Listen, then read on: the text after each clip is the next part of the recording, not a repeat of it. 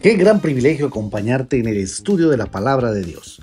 Bienvenido al podcast de la hora silenciosa de Palabra de Vida Guatemala. Descubriremos junto a ti los desafíos que Dios nos dará hoy a través de su palabra. Deseamos que hayas tomado un tiempo para leer con anticipación el pasaje del día de hoy.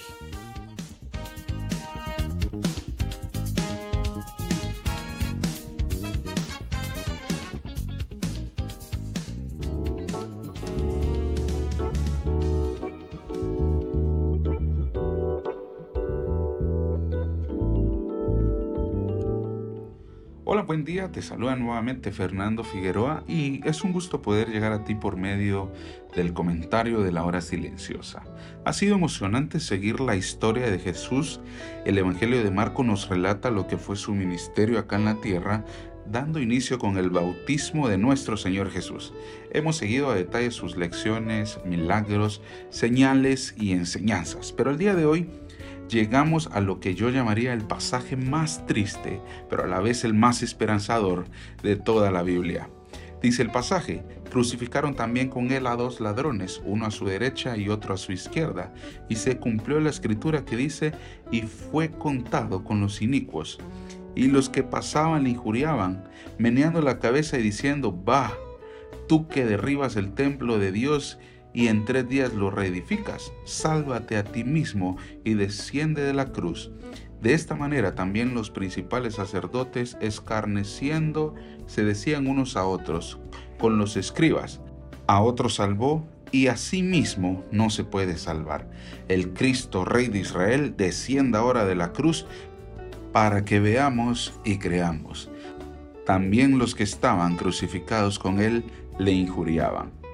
Cuando vino la hora sexta hubo tinieblas sobre la tierra hasta la hora novena, y a la hora novena Jesús clamó a gran voz diciendo, Eloí, Eloí, lama sabactani, que traducido es, Dios mío, Dios mío, ¿por qué me has desamparado? Y algunos de los que estaban ahí decían al oírlo, mirad, llama a Elías. Y corrió uno y empapando una esponja en vinagre y poniéndola en una caña, le dio a beber diciendo, dejad, veamos si viene Elías a bajarle. Mas Jesús, dando una gran voz, expiró. Entonces el velo del templo se rasgó en dos, de arriba abajo el pasaje más sombrío. Y esto porque llegamos al momento de la muerte de nuestro Señor. Para este momento ya había pasado el arresto y juicio del Señor, Él ya había sido condenado a muerte y la agonía del castigo al que nuestro Señor fue sometido previo a su muerte ya significaba suficiente dolor y humillación. Sin embargo, los líderes religiosos no estaban satisfechos con solo castigarle. Ellos pensaban que por fin habían conseguido lo que tanto habían buscado desde el principio, matarle y así de una vez librarse de él. Marcos nos da un detalle respecto a los dos ladrones que el Evangelio de Lucas no nos da. Dice que los que estaban crucificados con él también le injuriaban. Por el Evangelio de Lucas sabemos que uno de esos dos ladrones llegó al arrepentimiento y a la salvación. Pero Marco nos dice que ambos hacían injurias de él. Sin embargo, este hombre pudo llegar al arrepentimiento y reconocer quién era Jesús. Y es que seguramente las respuestas de nuestro Señor hacia las personas que les torturaban, le escarnecían y le estaban matando, tuvieron mucho que ver en la conversión de aquel hombre. A este hombre no le tomó mucho tiempo darse cuenta quién era verdaderamente el Señor. Era un ladrón, seguramente menos conocedor de las escrituras que los líderes religiosos que estaban parados cerca de la cruz de Jesús, haciendo escarnio de nuestro Señor. Todas las profecías se estaban cumpliendo en él. Los que conocían las escrituras hasta este punto no quisieron darse cuenta de quién verdaderamente era Jesús. Pero un simple ladrón, a un simple ladrón le tomó tan poco tiempo reconocer quién verdaderamente era nuestro Señor. El relato en Marcos nos dice que cuando llegó la hora sexta todo se oscureció, pero el Evangelio de Lucas nos detalla exactamente cuánto tiempo duró esta oscuridad. Esto fue por tres horas exactamente. Por tres horas el sol se ocultó.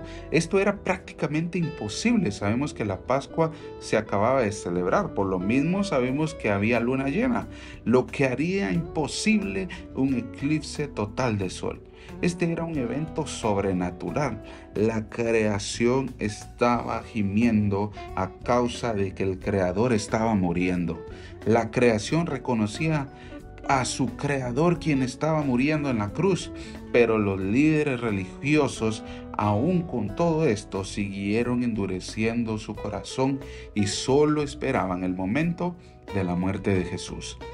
Normalmente quienes eran crucificados quedaban inconscientes a causa del dolor y de la agonía que ésta producía. Sin embargo, Jesús estuvo consciente hasta el final.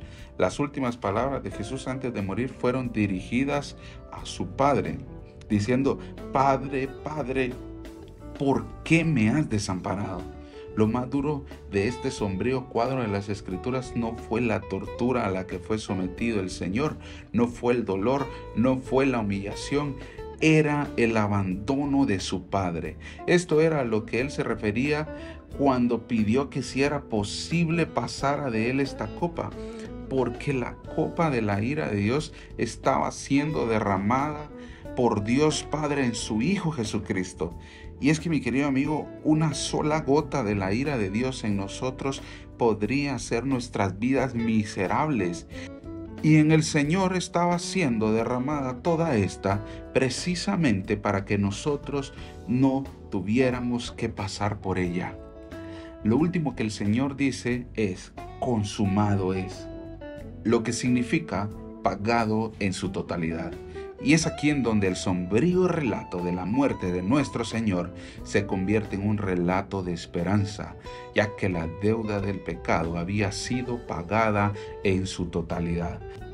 El relato nos dice que hubo un terremoto y el velo del templo fue rasgado de arriba hacia abajo. La deuda había sido pagada. Y el detalle de cómo fue rasgado el velo es importante. Fue de arriba hacia abajo. Dios mismo nos dio acceso a su presencia a través de la muerte de nuestro Señor Jesucristo. La deuda del pecado ha sido pagada. Pero es responsabilidad de cada persona tomar una decisión.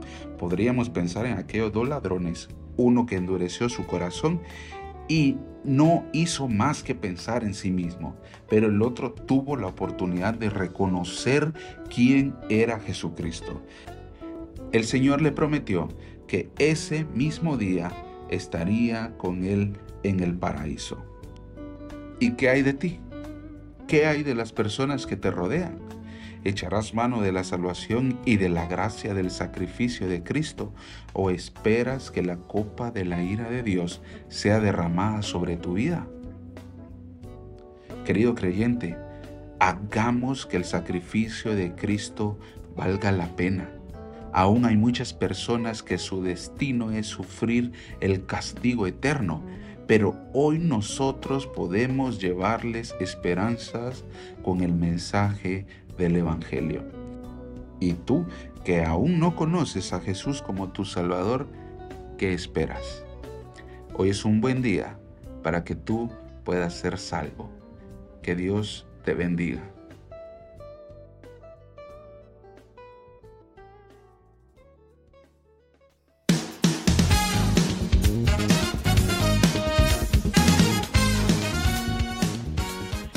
Es emocionante saber los tesoros que Dios tiene en su palabra para nosotros.